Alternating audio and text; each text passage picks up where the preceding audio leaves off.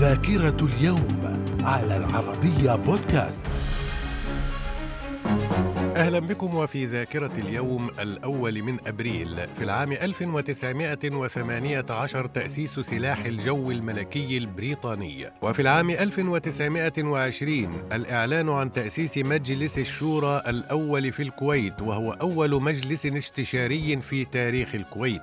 وتكون من 12 عضوا تم اختيارهم عن طريق التعيين. في العام 1961 أول إصدار للدينار الكويتي الكويتي. من الذاكرة. ومن ذاكرة الأول من إبريل في العام 1976 تأسيس شركة أبل. في العام 1982 طائرة كونكورد التابعة للخطوط الجوية الفرنسية تحلق لآخر مرة إلى كاراكاس وريو دي جانيرو. في العام 1989 تنصيب ياسر عرفات رئيسا لدولة فلسطين. من الذاكرة. ومن ذاكرة الأول من أبريل في العام 2001 الشرطة اليوغوسلافية تلقي القبض على الرئيس السابق سلوبودان ميلوزوفيتش وذلك لاتهامه بارتكاب جرائم حرب. وفي العام 2002 الجيش الإسرائيلي يقوم بمجزرة في مدينة جنين استمرت حتى الثاني الثاني عشر من إبريل